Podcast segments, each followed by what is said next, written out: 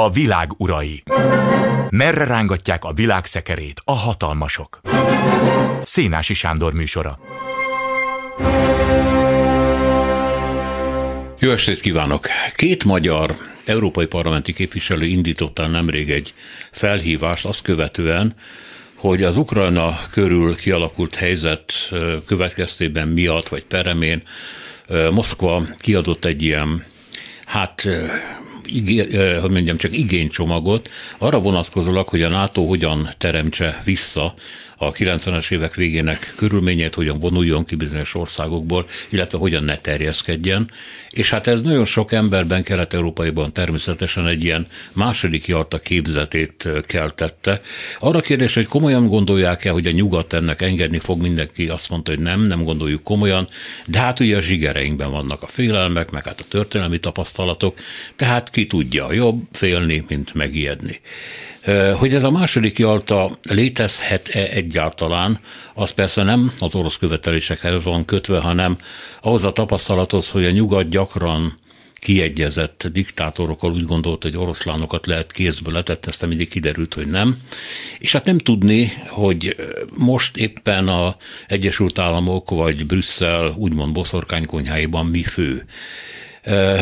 Erről fogunk beszélni az elkövetkező 50 percben, magáról Jartáról, tehát a történelmi tényekről, a tapasztalatokról, arról, hogy Putyin politikája pontosan mire irányult, valóban egy Szovjetunió visszaépítését akarja elérni, és hogy ebben az ügyben van-e félnivalója Kelet-Európának.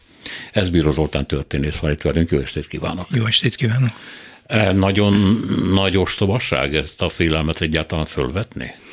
Hát biztos nem mostobasság, mert különösen az utóbbi időszakban Moszkva politikája a Szovjetunió belső perifériája tekintetében, tehát azon egykori szovjet tagköztársaságok tekintetében, amelyeknek nem úgy, mint a három balti köztársaságnak nem sikerült kiszakadni eh, mondjuk Moszkva vonzás körzetéből, azért vannak rossz tapasztalatai.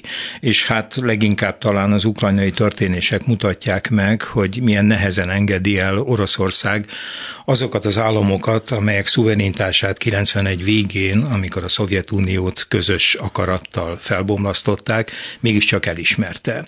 Tehát ezek a negatív tapasztalatok mindenképpen óvatosságra intenek, bár hozzátenném, hogy a szovjet, az egykori szovjet területeken túl nem nagyon érzékelni Moszkvának olyan ambícióit, hogy különösebben szeretne beavatkozni. Egy kivétel azért látszik Európában, ez a Balkán, ahol láthatóan évek óta rendkívül aktív.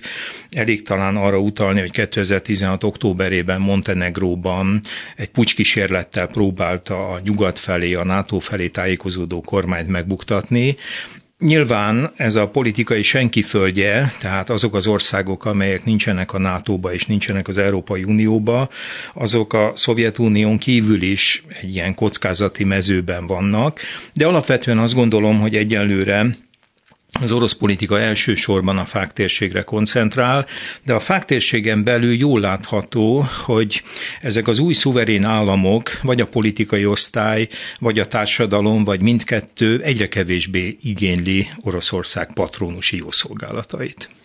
Most így közbevetőleg azt gondoltam, hogy erről besz, kés, később beszélünk, de valamit fölvetesz bennem.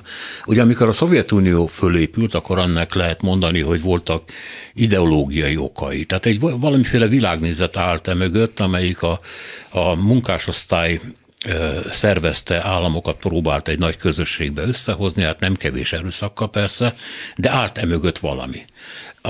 Most mi az, ami tulajdonképpen az orosz érdekeket, vagy az orosz birodalomépítést indokolhatja a saját szemükben, a saját agyukban? Hát azt gondolom, hogy Putyin esetében nyilván az a traumatizáló emlék, amiről ugye hosszú-hosszú évekkel ezelőtt oly elhíresült módon nyilatkozott, amikor is azt mondta, hogy a 20. század legnagyobb geopolitikai katasztrófája a Szovjetunió felbomlása volt, és hát nagyon sokan a ma élő oroszországi nemzedékek közül, hát nyilván itt a késő középkorúakról és az idősebbekről lehet beszélni, hiszen épp tavaly év végén volt 30 éve, hogy felbomlott a Szovjetunió, azért egy erős nosztalgia a Szovjetunió iránt, és a putyini politika az elmúlt években elég sokat is tett annak érdekében, érdekében, hogy ez a nosztalgia felerősödjön. Megjegyzem egyébként, amikor 1922. decemberében létrehozták a Szovjetuniót, akkor négy szovjet köztársaság, az orosz, a belorusz, az ukrán és az úgynevezett transzkaukázusi szövetségkötésével jött létre a Szovjetunió, abban is az ideológiai elemeken túl, illetve azon a praktikus körülményen túl, hogy a kommunisták irányították, a bolsevikok irányították már akkor ezt a négy mondjuk így formálisan akkor független államot, azért az orosz birodalmi keretek is óriási szerepet játszottak, hiszen az első világháború végén, illetve a 17-es forradalmak nyomán a periférián megpróbálnak leválni. És ez egy nagyon érdekes kísérlet volt, hiszen az európai szubrégióban, Belarusban és Ukrajnában is, Moldovában is népköztársaságok, kisköztársasági kísérletek jöttek létre. 18 és 20, illetve 18 és 21 között a Transzkaukázusban önálló örmény, azeri, illetve grúz állam jött létre. Leghosszabb ideig egyébként a grúz mensevikek tartották magukat, tehát az európai értelemben szociáldemokraták, ők 18 és 21 között nagyon komolyan gondolták, hogy lehet önálló grúz állam, de végül is nem sikerült. A Vörös Hadsereg tett arról, hogy ezek a területek csak ideglenesen gondolhassanak arra, hogy függetlenek lesznek, de vannak a területről leváló, tartósan leváló képződmények. Ilyen a finn nagyhercegség, amelyik itt a forradalmak köszönhetően elnyeri függetlenségét az első világháború végén. Ilyen a lengyel többségű területek, Lengyelország ugye a két világháború között önálló államként jön létre, és ebbe a kategóriába tartozik félig meddig a történeti Beszarábia, a mai Moldova, amelyik a két világháború között átkerül Romániához, és igazán nagyjá annak következtében válik Románia, hogy nyugatról ugye az Erdély, Parcium, keletről pedig a történeti Beszarábiát kapja meg, és aztán majd a második világháború időszakában az visszakerül a Szovjetunióhoz. Röviden azt akarom mondani, hogy tehát a szovjet, tehát a szovjet államalakulat, az államkeret létrejöttében az ideológiai alapokon és közösségen túl ez a nagyon erőteljes orosz birodalmi emlék is azért szerepet játszott, és ezek a reminiszenciák azt hiszem újraélednek, és ezen dolgozik is a hatalom nagyon tudatosan az utóbbi években. Ugye Jaltával kapcsolatban a kelet-európai vélekedések két dolog körül mondhatni jegecesednek ki. Az egyik a nyugatárulása. Ez nem egy akkori találmánya, a gyanakvás, a periféria gyanakvása a központtal szemben az mindig is létezett, és hát nyilván sokszor indokoltan is, tehát hogy eladtak bennünket. Ezzel kapcsolatban a másik pedig, hogy ha Jalta nem történik meg, abban az esetben a már korábban is inkább a nyugat felé orientálódó országokban megerősödött volna az a polgárság, ami még gyenge volt, kialakult volna egy komoly nyugati orientáció, tehát az a keletiség, ami leírta a Szovjetunió körüli nagyobb övezetet, a szocialista, a szocialista tábort, az valóban egy mesterségesen létrehozott alakulat volt. Ezzel a két elképzeléssel kapcsolatban mi az igazság Jaltát illetően? Hát az a helyzet, hogy hát voltak nagyon kemény realitások, és ez a kemény realitás az volt, hogy a második világháború végén 12-13 millió szovjet katona és ennek jelentős része itt van Kelet-Európában. És a legjobb példát talán Churchill és a lengyelek kapcsolatával összefüggésben lehet felhozni. Ugye a lengyelek nagyon szerették volna, hogy a második világháború után a két világháború közti Lengyelország területileg is álljon helyre, tehát azokat a területeket is kapják meg, amit 39. szeptemberében a szovjet hadsereg elvett tőlük. Ez egyébként egy picivel nagyobb terület volt, mint amit a németek kaptak Lengyelországból. Majdnem 200 ezer négyzetkilométert szakít le a Szovjetunió 1939-ben. Churchill viszont azt mondja a lengyeleknek, hogy azt nem tudja megígérni, hogy ugyanolyan államkeretek között, területi keretek között helyre tudják állítani a Lengyelországot, de azt megígéri mindenképpen, hogy lesz lengyel önálló állam, és lett is lengyel önálló állam, de hát két-háromszáz kilométerrel nyugatra tolva, és ez bár egy kicsivel kisebb terület lett a második világháború utáni Lengyelország, mint volt a két világháború között, de annak köz- következtében, hogy a keleti területek a Szovjetuniónál maradtak, ahol egyébként a lengyelekkel szemben ukrán és belorusz többség volt, és nagyon jelentős németek lakta nyugati területeket nyert, nyert, és a fejlettebb területek kerültek hozzá, lehet, hogy a területveszteség ellenére összességében a lengyelek talán mégse jártak rosszul. De még egyszer mondom, az alapdolog, hogy 12-13 milliós hadsereggel fejezi be a Szovjetunió a második világháborút, és itt van. És ez is nagyon érdekes, hogy melyek azok a területek, ahol a a szovjet hadsereg tartósan itt marad Európában. Bulgáriából nagyon gyorsan kivonulnak, Romániában 58-ig maradnak.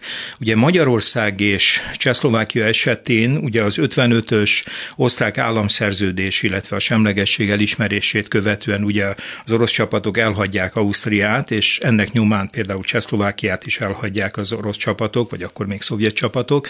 Magyarország esetében lényegében kontinúsá azt teszi, hogy 56 után mégiscsak itt maradnak, tehát lényegében azt lehet mondani, hogy 44-45-től folyamatosan 90-es évek elejéig itt van a déli hadseregcsoport, ugye utolsó évtizedeiben, de tartósan két helyen van, azt lehet mondani, hogy folyamatosan a második világháborút követően jelentős szovjet katonai kontingens. Ez Kelet-Németország, a Német Demokratikus Köztársaság, illetve Lengyelország. Az előbbi volt a nyugati hadseregcsoport, az utóbbi az északi hadseregcsoport, majd 68 után ott maradnak Csehszlovákiában is, ez ez lesz a középső hadseregcsoport. Tehát négy olyan ország van, ahol a politikai felügyelet kiegészült a katonai jelenléttel. Ez Kelet-Németország esetében Tokkal és vonóval 500 ezer embert jelentett. Ebbe az 500 ezerben benne voltak a civilek is, tehát a tisztek családtagjai, illetve a polgári alkalmazottak. A katonai erő az olyan 300-350 ezres volt. Magyarország esetén, amikor elkezdődik a kivonás, akkor egy százezres kontingensről van szó, lényegében hasonló méretű volt Csehszlovákiában és az utolsó periódusban, a legkisebb Lengyelországban volt. Annak lényegében az a logisztikai háttér biztosítása volt a feladat, ami összekötötte a Szovjetuniót Kelet-Németországgal. Tehát erre a kérdésre röviden azt tudom mondani, hogy ez realitás volt, hogy nagyon jelentős katonai erő tartózkodott Európának ezen a részén, és hát nyilvánvalóan a nyugatiaknak, akik számára nagyon fontos volt az emberi élet veszteségeinek minimalizálása, hát nyilván nem gondoltak arra, hogy szövetségesükkel szemben katonai erőt próbáljanak alkalmazni. Úgyhogy illúzió volt azt gondolni, hogy itt, itt a, a szovjeteket ki lehet szorítani, különösen akkor, amikor hát Stalin a második világháborús óriási veszteségek után különösnek font, különösen fontosnak tartotta, hogy egy ilyen nagy ütközőzónát alakítson ki, és ezzel is újabb biztosítékokat szerezzen az országnak.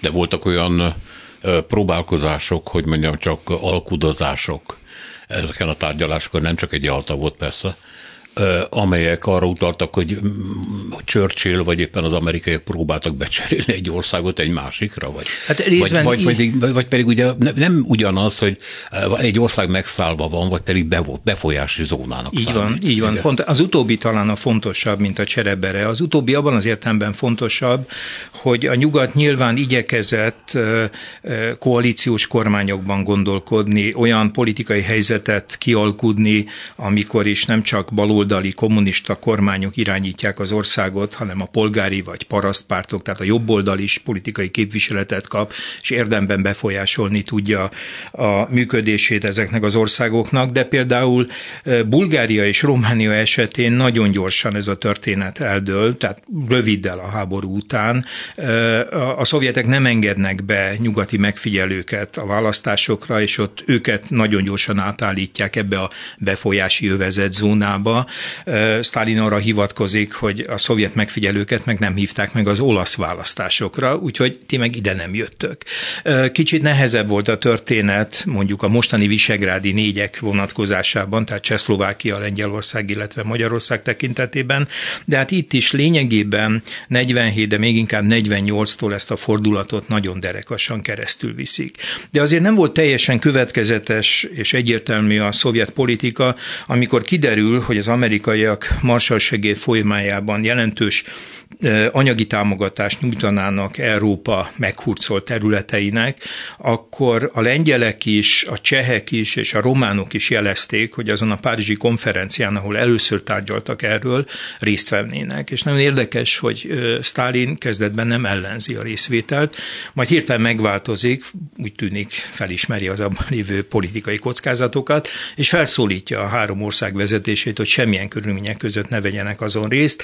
Egyedül a csehek azok, akik próbálnak ennek ellenére eh, kitartani álláspontjuk mellett, de aztán oda rendeli őket Moszkvába, és világossá teszi, hogy itt nincs választási helyzetük. Tehát elég gyorsan itt egy ilyen, ténylegesen egy ilyen korlátozott szuverenitás alakul ki, abban az értelemben, hogy mindenütt megtesz mindent annak érdekében, hogy hozzá lojális politikai csoportok vegyék át az ország irányítását. Érdekes módon ez talán a leghosszabb ideig a kelet-német területeken nyúlik el, mert Németország tekintetében a szovjet álláspont az hosszú ideig játszik azzal a lehetőséggel, hogy egy egységes, semleges Németország legyen. Hol előveszik ezt a lehetőséget, hol háttérbe szorul ez a lehetőség. Persze nyilván olyan módon képzelték el, hogy a Szovjetuniónak változatlanul nagy és kiterjedt befolyása legyen, annál is inkább, mert például a Szovjetunió tartósan ragaszkodik ragaszkodott a katonai jelenléthez Németország keleti felében. Az amerikaiak sokkal gyorsabban demilitarizálták volna a térséget, de a szovjeteknek több ok miatt érdekük volt, hogy jelentős katonai erő maradhasson német területen.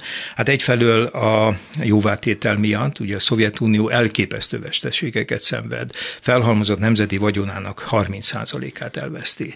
Hogy ez milyen óriási veszteség, ezt talán azzal tudnám érzékeltetni, hogy a britek, akiket azért jól megbombáztak a németek, felhalmozott nemzeti vagyonuk 0,9%-át, hmm. az amerikaiak 0,4%-át. És hát most az emberveszteségekről meg már nem is beszélve, mert a Szovjetunió a pillanatnyi hivatalos adatok szerint 27 millió embert veszített, a három nyugati szövetséges hatalom, a britek, franciák és amerikaiak kevesebb, mint másfél milliót.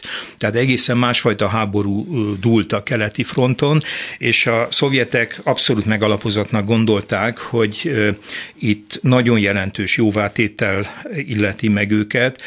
Hihetetlen mennyiségben szerelnek le német területeken gyárakat, és szállítanak át szovjet területre.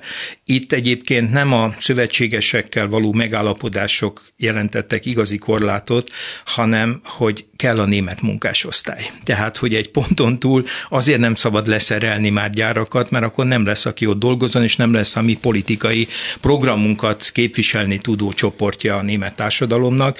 Nagyon fontosak voltak a kelet-német területeken található uránbányák. Ugye dolgozott a Szovjetunió akkor már rendkívül intenzíven a saját nukleáris programján, tehát ezért is nagyon fontos volt.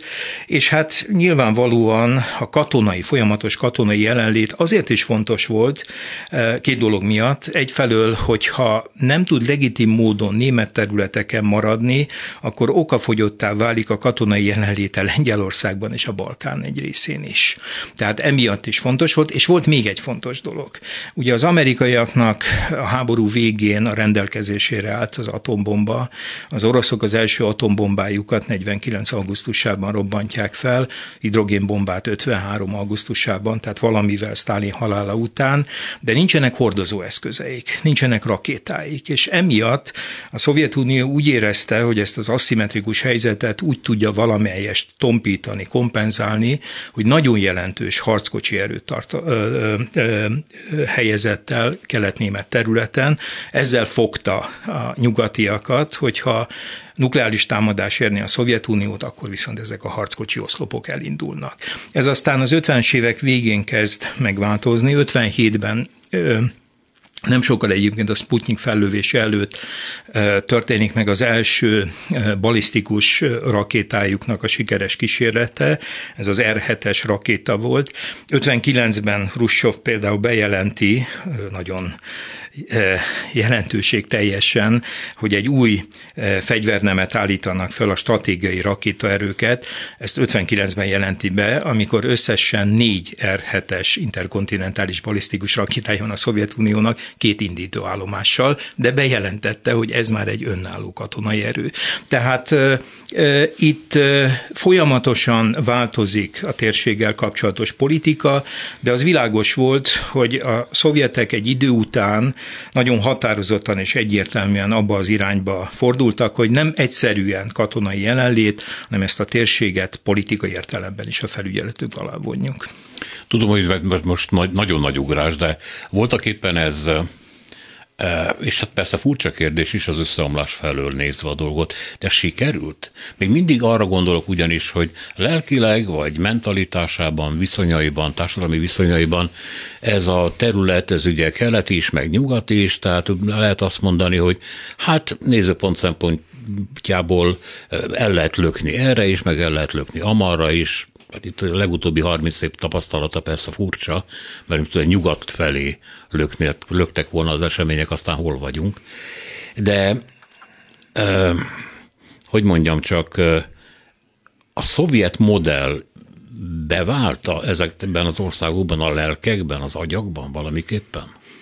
Hát nyilván itt annak is függvénye, ez a kérdés, tehát hogy milyen választ adnak a társadalmak erre, hogy a korábbi történelmi tapasztalataik milyenek voltak. Ugye ott, ahol egy sokkal tartósabb és sokkal traumatizáltabb ez a történelmi tapasztalat, gondolok a Baltikumra, amelyik a két világháború között a három kis balti állam független volt, de aztán 40 nyarán lényegében ugyanaznap vonulnak be Rigába a szovjet csapatok, amikor Párizst elfoglalják a németek. Tehát nyilván a Baltikumnak a percepciója az egészen más, vagy a lengyelek percepciója egészen más, ez egy milyen traumatizált tapasztalat. Ott már a kiinduló feltételei annak, hogy egy ilyen baloldali, ráadásul annak is egy ilyen nagyon durva, diktatórikus, totalitárius formáját próbálják rá, rájuk erőszakolni, már a kiinduló pozícióban ugye az ellenkezés az jelen van. És hát vannak olyan országok, mint például Magyarország is, amelyiknek, tehát lényegében komoly történelmi tapasztalatai leszámítva mondjuk a, az első Miklósi Oroszország 1849-es segítségnyújtását a Habsburgoknak, tehát lényegében egy ismeretlen egzotikus vidék volt Oroszország, tehát ilyen mondjuk így történelmi alapzata annak, hogy valamiféle eredendő ellenszenv legyen, nyilván kevésbé volt, mint ott, ahol ezek a tapasztalatok történelmileg léteztek. Ami pedig magát a modellt illeti, ráadásul ugye a modell ebben a nagyon durva, nem puha, nem elasztikus formájában kerül ráoktrojálásra ezekre az országokra, hát nyilván a társadalom nagyon jelentős része számára soha nem lett belső igény, vagy belső azonosulás alig ha történt. Az más kérdés, hogy egy idő után, és ezt most hogy is mondjam, nem kritikailag állapítom meg, hanem hát nyilván az emberek élni akarnak, alkalmazkodnak, elfogadják, de nem hiszem, hogy a magyar társadalom, vagy általában ez a köztes Európa nagy többségében érzelmileg is mélyen azonosulni tudott ezzel a modellel. A Szovjetunió tekintve a poszt-sztálini korszakot, ami nem volt kevésbé kemény, de más volt, voltak éppen rátérte arra, hogy nem egyféleképpen kéne kezelni ezt a fajta perifériát a Szovjetunió körül, hanem mondjuk országokra lebontva. Tehát Jalta változott-e moszkvai szempontból úgy, hogy tulajdonképpen, hogy mondjam, csak minden terület egy külön kormányzót igényel? Hát nyilván több minden rákényszeríti erre. Rákényszerítette, hogy 53. júniusában Berlinben mégiscsak történtek, mármint hogy Kelet-Berlinben néhány nap, néhány izgalmas nap mégiscsak történt. 56 nyarán a lengyelek is komolyan elkezdenek mozgolódni. 56 őszén Magyarországon is történik, ami történik. Tehát nagyon sok olyasmi tapasztalhat, ami jelzi, aztán 68 Prágája, hogy hát itt lehet, hogy az a modell, és ahogy ö, amilyen ágyba bele akarjuk ezeket az államokat kényszeríteni, az nem biztos, hogy a legjobb politika.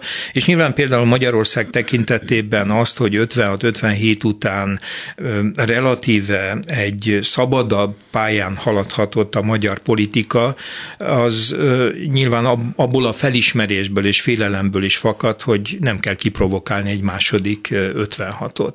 Tehát nyilván ezek a tapasztalatok is bizonyos fokú óvatosságra vagy körültekintésre intett megverték őket, de nem, de nem olyan mértékűre, hogy például 56 után 68-ban ne gondolják azt, hogy ne lehessen bevonulni Prágába, de például az érdekes, hogy a 80-as évek elején a lengyel válság esetében igazán komolyan a szovjet vezetés már nem mérlegeli a bevonulást, és nagy megkönnyebbüléssel fogadta, hogy Jaruzelszki és a lengyel néphadsereg elvállalta azt a feladatot, és nem kellett bevonulni. Ma már egyébként ismert a politikai bizottságnak ama ülése, ahol Andropov, akkor a KGB elnöke azt mondta, úgy tűnik, hogy idős korra valahogy megvilágosodnak ezek az emberek, azt mondta, hogy kimerítettük intervenciós kvótánkat. Ugye ez a kimerítettük intervenciós kvótánkat, az ugye azzal is összefüggött, hogy a 79 decemberi afganisztáni bevonulást viszont még a nagyon közeli szövetségesek, sőt, lényegében a kliensek, beleértve a palesztin felszabadítási szervezetet is, hát megütközéssel fogadta. Tehát, hogy amit megtettek 79-ben Afg- Afganisztánba, annak a következményei, nemzetközi fogadtatása nagyon visszafogta őket abban, hogy 81-ben merjenek-e még egyszer Európában valami hasonlót tenni, mint 56-ban és 68-ban. Ugyanis ezt azért is kérdeztem, mert hogy tudnélik a szovjet megszállás vagy a szovjet befolyási övezet léte, az mennyire dönti el egy ország sorsát egy ilyen ingadozó területen. Arra a válasz például a kádárizmussal kapcsolatban Békés Csaba történész úgy adja meg, hogy ő sok-sok év kutatás után arra jutott, hogy itt nem egyszerűen egy változatról volt szó, hanem a Kádár rendszer az egy rendszer volt. Tehát egy, hogy mondjam, csak totálisan minden mozzanatában fölépített rendszer volt, ami hát egy mesterműnek számított ugye a szovjet jelenlétnél, de máshol ezt nem lehetett tapasztalni. Hát máshol nyilván ezek a feltételek nem voltak adottak.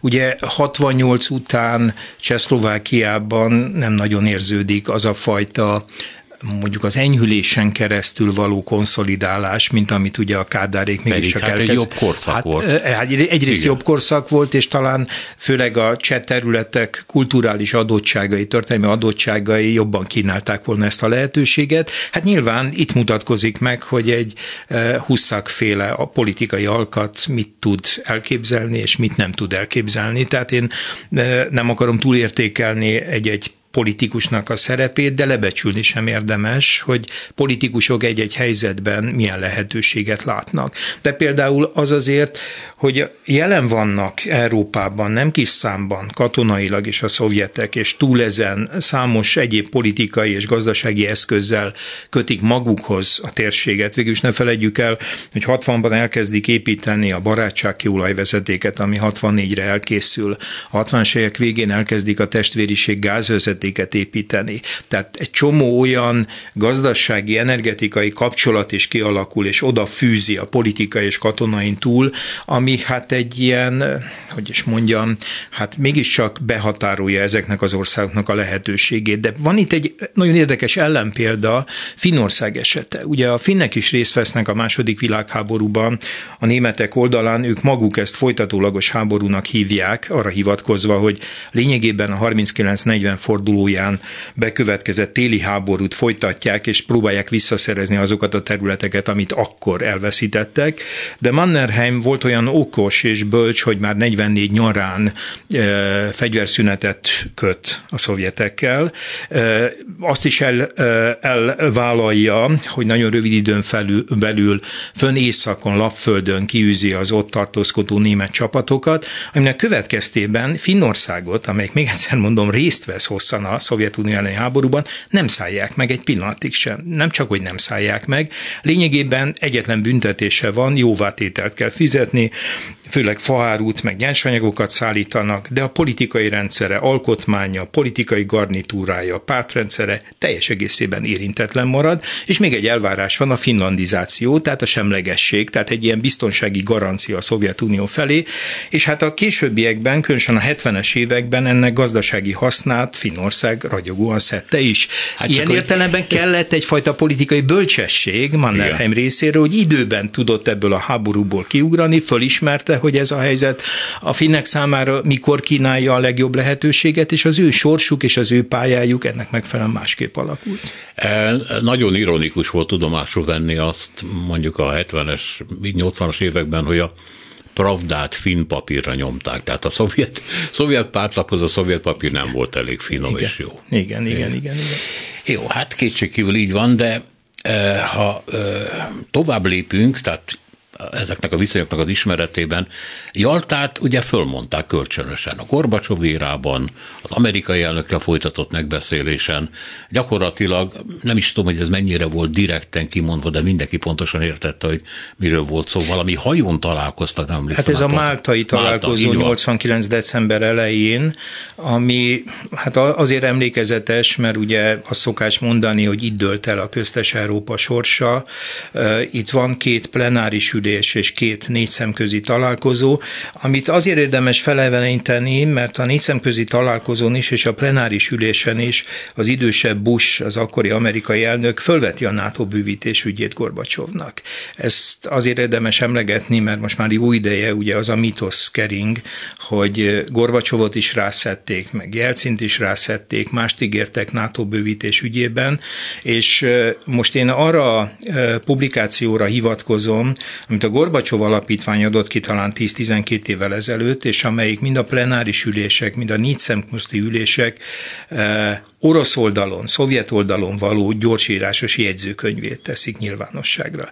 Ugye a tárgyalásokon mindkét fél vezeti a gyorsírásos jegyzőkönyveket, idővel ezeket nyilvánosságra is hozzák, és idővel a történészek időnként rácsodálkoznak, hogy ugyanazon az ülésen ülte a két jegyzőkönyvvezető, de most ebből a szempontból az az érdekes, hogy az orosz mit jegyzett le, abból az derül ki, hogy a Bush többször felveti a kérdést, hogy mi a szovjet álláspont ezzel kapcsolatban, és Gorbacsov mindig elhessegeti azzal, hogy majd a történelem, majd a népek eldöntik, tehát nem veszi észre a benne lévő kockázatokat, mert hogy azt gondolják a késői Szovjetunióban, Gorbacsov környezetében és a korai Oroszországban, Jelcin és környezetében, hogy valószínűleg miután nincs Varsói szerződés, nincs Szovjetunió, okafogyottá válik a NATO, tehát föloszlik, ha nem oszlik fel, akkor jelentősen átalakul, és a politikai katonai szervezetben a katonai komponens jelentős mértékben lecsökken, de hogyha ez se történne meg, akkor a NATO-nak eminens érdeke Oroszországot előfölvenni a szervezetbe, mint sem a köztes Európa gyenge hadseregeivel rendelkező országokat. Tehát ott volt bennük az illúzió, és az a az a naivitás, hogy még egy pépert, egy emlékeztetőt, egy memorandumot nem iratnak alá. Egyetlen kötelezettséget vállalt egyébként a nyugat a NATO bővítésével kapcsolatban. Ez a 4 plusz 2-es német egységre vonatkozó szerződés, amit ugye a két német állam, illetve a második világháborús nagyhatalmak, tehát az amerikaiak, szovjetek, franciák és a britek írnak alá, ott az kerül rögzítésre, hogy a kelet-német területre a, a, a NATO infrastruktúrája nem kerül. És ehhez a NATO máig tartja magát. A többi volt szocialista ország és a NATO kapcsolatára vonatkozóan semmiféle írásos ígérvény soha nem született. Hát, akkor most a a Gorbacsovnak ez egy fő bűne? Tehát egy olyan hát nyilván próbálják, ma is létező? Igen, próbálják, nyilván próbálják ezt így előadni, de hát igazán azt gondolom, hogy a 89-es máltai találkozó előtt van egy talán még fontosabb történet, 88 márciusa, hosszú idő után első számú szovjet vezető ellátogat Jugoszláviába. Ugye a jugoszláv-szovjet kapcsolatok a második világháború után finoman szólva is ellentmondásosan alakulnak, hol közeliek, hol hihetetlenül szembefeszülnek egymással. Ugye Tito nagyon önálló politikát vitt, és ez sokszor, sokszor okozott, több hullámban okozott problémát. Nos, 88 márciusában Gorbacsov több napra ellátogat Jugoszláviába, és elmegy Dubrovnikba is, és ott a Jugoszláv Kommunisták Szövetségével együtt kiadják az úgynevezett Dubrovniki nyilatkozatot, amiben lényegében először mondják föl nyilvánosan a Brezsnyev doktrinát. Tehát a két kommunista párt vezetője aláír egy olyan dokumentumot, amiben kijelenti, hogy minden szocialista, kommunista és munkáspártot megillet az a jog, hogy országa politikai és társadalmi fejlődésének irányát maga határozza meg amit egyébként az idős pártvezetőknek a Gorbacsov már 86-tól a tárgyalásokon folyamatosan jelez. Tehát senki ne gondolja azt, hogy mi most be fogunk oda vonulni, segítséget fogunk nyújtani. Tehát ez a dolog az idős, egyre inkább ilyen gerontokratikus jelleget öltő pártvezető körben, ahol egyébként Gorbacsó soha nem érezte jól magát, ezt tudjuk több forrásból, is kerülte is amennyire lehet ezeket a találkozókat, értésre adta már korábban is, hogy itt nincs bevonulás, szovjet bevonulás, mindenki oldja meg a problémáját a saját módján és erejével, és 88 márciusában a Dubrovniki nyilatkozatban először nyilvánosan ezt a korlátozott szuverenitást fölmondják, ami lényegében két elemet tartalmazott, hogy nem lehet megkérdőjelezni a Szovjetunióhoz kötődő szövetségesi viszonyt, és nem lehet megkérdőjelezni a társadalmi fejlődés irányát, tehát hogy szocializmusnak uh-huh. kell itt lenni. Ezt 88 márciusában nyilvánosan fölmondja, majd 88 nyarán ülésezik a, a helyreállított intézmény a pártkonferencia keretében, a 19. pártkonferencia keretében, a hosszú, több mint négy órás pártfőtitkári beszédben újra visszatér erre a kérdésre, újra elmondja ezt, és azzal egészíti ki, hogy még világosabb legyen, hogy arra meg végképp nincs senkinek joga, hogy katonai eszközökkel kényszerítse rá. Tehát 88 tavaszától, nyarától mindenkinek világossá kellett váljon, hogy a Berezsnyev doktrina, amit ugye a nyugat kezd használni a 68-as prágai beavatkozás után, az felfüggesztést nyert.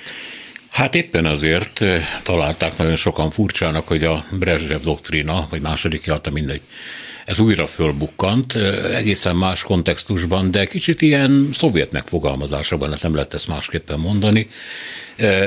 Eh, jó pár évvel azután egyébként, hogy lehetett detektálni, hogy Putyinnak milyen szándékai vannak az ex-szovjet területek visszaépítésére, a befolyási övezetek újjáépítésére, stb. stb. Bár ennek ugye a fák, meg az úgynevezett keleti NATO révén voltak intézményes útformái, de hát nyilván nem erre gondolt egészen az orosz elnök.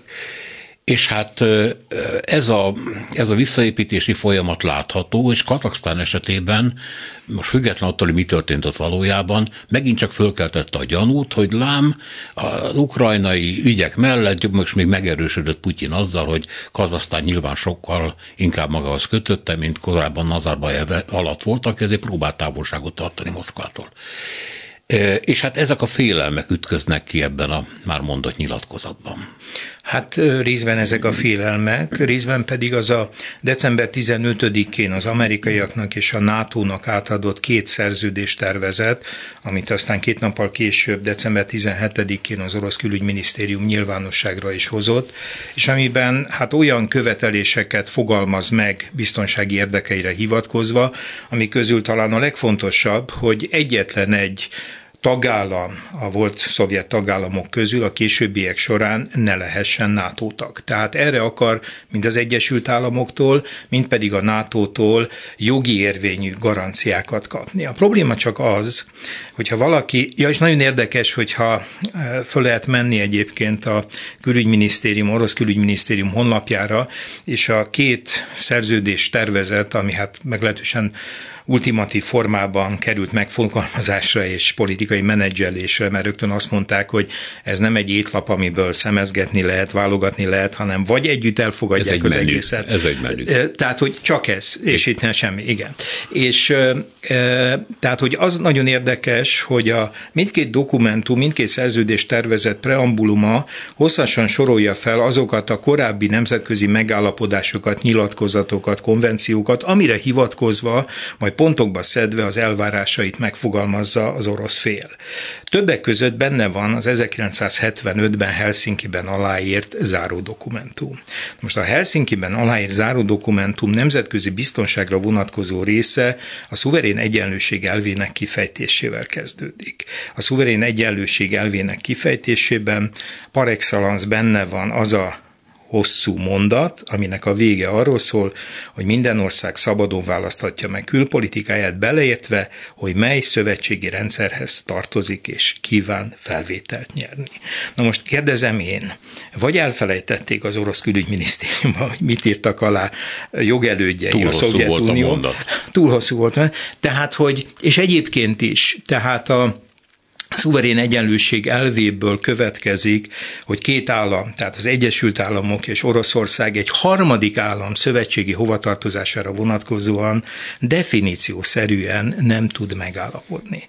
És hát más ö, olyan követelések is vannak, például, hogy az Egyesült Államok kétoldalú kapcsolatokat bizonyos vonatkozásokban ne tartson fel a fáktesség országaival, és hát ugye a hétfői Genfi találkozó után, ami külügyminiszter helyettesi szinten folyt, az amerikai delegáció vezető ö, ö, hölgy nagyon világosan és egyértelműen azt mondta, hogy, a szovjet, ö, hogy az Egyesült Államok nem adja fel azt a jogát, hogy azokkal az államokkal, amelyek vele kétoldalú kapcsolat keretében szoros együttműködésre törekednek, nem működjön együtt, majd így folytatta, az Egyesült Államok Ukrajnáról, Ukrajna nélkül, Európáról, Európa nélkül, NATO-ról, NATO nélkül nem fog megegyezést kötni.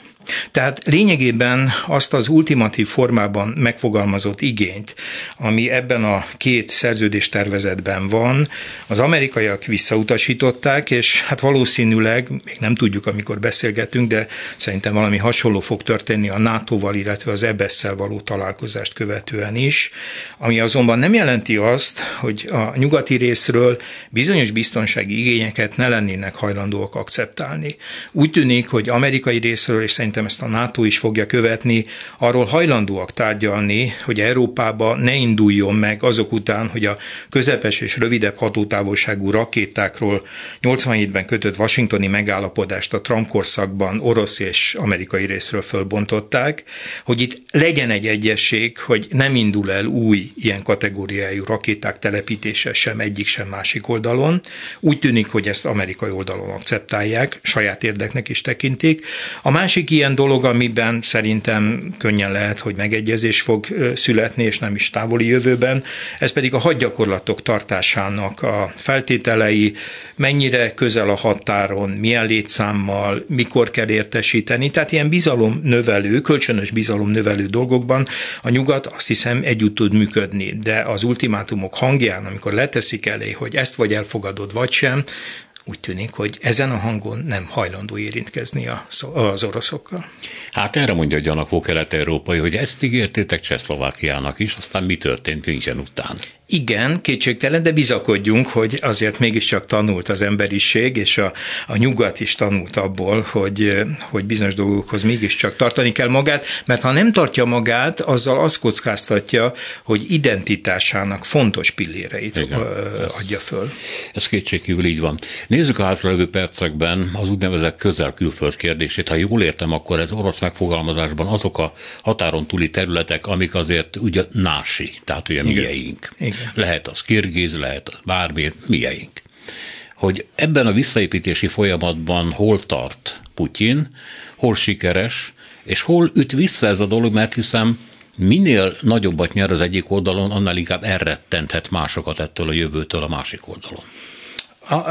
Az jól látszik, hogy két olyan, a Baltikumot leszámítva, amelyik három állammal soha nem volt részese a független államok közösségének, mert még azt megelőzően vált ki a Szovjetunióból, hogy ez felbomlott volna. Szóval a Baltikum kivételével a szovjet tagköztársaság között kettő olyan van, amely elég gyorsan megpróbál távolodni a birodalmi központtól. Az egyik az Grúzia, ott már a késői szovjet időszakban ez a folyamat elindul. Kicsit késlekedve engedve, de aztán annál határozottabban Ukrajna. És lehet látni, hogy Ukrajna esetében az ukrán társadalom nagy többsége és a hatalmon lévő politikai osztály nagy része ebben a távolodásban érdekelt. Sokáig ők egyébként ezt nem feltétlen orosz ellenesség kíséretében gondolták el, ők azt hiszem abban bíztak, hogy igen, jó és kiszámítható kapcsolatok Oroszországgal, de Ukrajna jövője az mégiscsak a nyugaton van, és a felé menjünk el, de láthatóan ezt nem engedi Putyin, mert Ukrajnát gazdasági és politikai okokból és érzelmi okokból, ugye keleti szlávok, ráadásul ugye Putyin folyamatosan hajtogatja, hogy nincsenek is ukránok és beloruszok, azok is ugyanolyanok, mint mi oroszok. Tehát őket láthatóan nem nagyon akarják elengedni, de még egyszer mondom, hát a történelem kerekeibe be lehet a küllőkbe dolgokat akasztani, de láthatóan az ukrán társadalom nagy többsége és a politikai osztály is távolodni akar Oroszországtól. A legfrissebb fejlemények Moldova esetében is, ugye megválasztanak egy 40-es évei végén járó hölgyet elnökké hihetetlen ellenszélben, a regnáló orosz barát elnökkel szemben ebben a választásban döntő szerepet játszik. Az a szavazó réteg, a munkaképes lakosságnak mindegy 40 a valahol Dél-Európában dolgozik, és az ő levélszavazataikkal megfordítják az eredményt, de nagyon derekasan. Ott láthatóan megint csak egy erőteljes kísérlet van az oroszoktól való eltávolodásra, nem könnyű a történet, energiafüggés van az országban. A grúzok esetében tudjuk, hogy ez ilyen hektikusan, hol erőteljesebben, hol visszafogott, most éppen egy kicsit visszafogottabban, de hát a grúz társadalom továbbra is sokkal Meg is inkább vádolta egy Németországban letartóztatott grúz tábornok Tbiliszit azzal, hogy most befekszik az oroszoknak. Igen, és... időnként, így Igen. van, időnként ez, a, ez, a, ez ilyen hullámverésszerű, hogy hol erőteljesebb, hol visszafogottabb, de azért összességében a grúz társadalom azt gondolom, hogy nem igényli az orosz hát felügyeletet, vagy hát ellenőrzést. Nagyon érdekesen alakul az egymással szemben álló két transzkaukázusi nép és ország viszonya, és Oroszországhoz való viszonya, az örményekre és az azeriekre gondolok. Ugye a 2020. szeptemberében van egy második karabahi háború, 44 napig tart, amit egyértelműen az azeriek nyernek meg, nagyon kiterjedt török segítségnek köszönhető illetően ott nagyon érdekes dolog történt, azt hiszem, hogy leváltotta Oroszországot Azerbajdzsán Törökországra, és ebbe belement láthatóan, vagy belekényszerült Oroszország, nem akart ütközni közvetlenül a NATO tag Törökországgal, és megvetette a lábát a Transzkaukázusban először Törökország, ott van Azerbajdzsánban minden elemében. Az örmények viszont, ahol 2018 áprilisában Nikol Pas Pasinyán vezetésével egy színes forradalomra sor került, és próbálja a rendszer demokratizálni, de hát az örmények, a törökök és az azeriek közé szorulva a végső nemzetbiztonsági garanciát mégis az oroszokban látják. Annak ellenére is, hogy itt bizonyos értelemben cserben hagyták őket ősszel. Ami pedig Közép-Ázsiát illeti, ott pedig Hát ugye Kazaksztán minden tekintetben a legjelentősebb, hatalmas területről, 2,7 millió négyzetkilométerről van szó, 19 millió lakosról, és ami érdekes, hogy gazdaságilag a kazak gazdaság ma erősebb már, mint az ukrán, nagyobb GDP-t állít elő, noha a felbomlás időszakában az ukrán még jóval nagyobb volt. Tehát Kazaksztán mind 3-3,5 és fél millió orosz él az országnak, főként az északi részén, van két fontos az orosz űrprogram szempontjából, illetve a balisztikus rakéta kísérletek miatt két olyan objektum, aminek a megtartása szintén eminens érdek. Ugye nincs meg az a kilövő bázisa továbbra sem Oroszországnak, ahonnan Eh, ahogy Bajkonurból indítja a, az űrprogramját, eh, folytatni tudná. Tehát Bajkonur miatt, illetve van egy nagyon nagy terület, ahol balisztikus rakéta kísérleteket végez. Ugye Kazasztán nagy terület, kevesen lakják, ott ezt meg lehet csinálni. És hát nyilvánvalóan hatalmas nyersanyagkészlettel rendelkezik, nagyon jelentős színhidrogén tartalékai vannak, és az egyik legjelentősebb, globális jelentőségű urán, uránkitermelő amit szintén nem becsülnék le, különösen annak ismeretében, hogy Kazaksztánban olyan uránt lehet kibányászni, amiből nem csak a békés célú atomerőművek ez dúsítandó minőség állítható elő, hanem a sokkal nagyobb dúsítást igénylő katonai célú is. Úgyhogy vannak érdekek, ami miatt itt tartja. Az más kérdés, hogy a nazarbajevi politika az kifejezetten arra tett kísérletet, hogy egyaránt jóba legyen Moszkvával, Washingtonnal, Ankarával és Pekinggel. Na most azzal, hogy még hogyha nagyon szimbolikus is ez a két-három ezres kontingens, ami a napokba bevonult, és hát kazak álláspont szerint rövidesen megy is Kazaksztánból, de ha megy is, én azt gondolom, hogy ennek a bevonulásnak az a politikai következménye alig ha elkerülhető, hogy ez a több vektorú kazak külpolitika, amit nagyon sziszifuszi munkával Nazarbayev felépített, erről le kell mondani a Tokajevnek, mert azt hiszem, hogy az új elnök ennek a külföldi segítségnek köszönhette, hogy a megosztott elit végül is belátta, hogy akkor Tokajev ezen túl az első számú vezető. És ennek politikai ára és következményei vannak. És a térség többi állama, leszámítva Türkmenisztánt, ahol a világ negyedik legnagyobb földgázkincskészlete van, hát gyenge és szegény államok, beleértve az übzbégeket is, akikkel ugyan sikerült egy közös kumprikutatót elő, felállítani a magyar kormányzatnak, de azért összességében a létszámán, a népességén túl egy nagyon gyenge gazdaságról van szó, és hát a posztszovjet térség és a Szovjetunió két legszegényebb tagköztársasága, ma szuverén állama is itt van, Kirgizia és Tadzsikisztán, ők a világ legszegényebb harmadába tartoznak továbbra is, tőlük vajmi kevés függ, és nem is nagyon aspirálnak se a kirgizek, se a tadzsikok tekintetében, ráadásul egyik helyen sincs jelentős ásványkincs, vagy olyan stratégiai erőforrás, ami miatt hát akár Kína, vagy akár mások számára fontos lehetne. Végül a gyengélkedő orosz gazdaságot, amiben kapcsolatban sok szakértő azt írja, hogy a cirkusz Kazaksztánnal, vagy éppen Ukrajnával az nem más, mint hogy Putyin megpróbálja eltakarni a saját hatalmának a gyengülését. Tehát ha a közel-külföld közelebb hozása, becsatolása és, és használata megtörténik, akkor az orosz gazdaságon ez javít-e? Hát nem nagyon javít, őszintén szólva, hát hogyha mondjuk megszerezné Ukrajnát, eh, most lehet, hogy furcsa dolgot fogok mondani, az ukrán GDP nominál értéken kisebb, mint a magyar. Tehát, és egy 40-42 milliós országról beszélünk. Eh, ugye az orosz gazdaság a 2014-es ukrajnai beavatkozás óta mindig a globális növekedés átlaga alatt teljesít növekedésben. Volt két recesszió, sőt három recessziós éve, az egyik az persze a pandémiával függ össze. Tavaly, tehát 21-ben valószínűleg 2,8-2,9-es GDP növekedést könyvelhet el, de ez jóval elmarad a globális növekedéstől. Ebben az évben legjobb esetben másfél százalékot valószínűsítenek.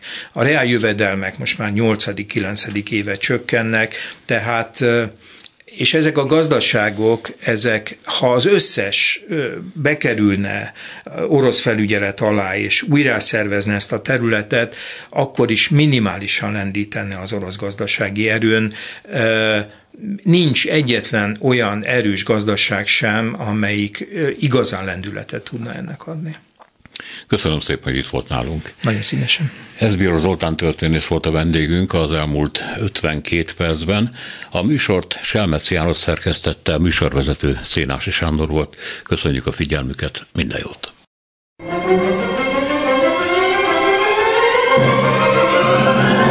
A Világ Urai című műsorunkat és Szénási Sándor műsorvezetőt hallották. thank you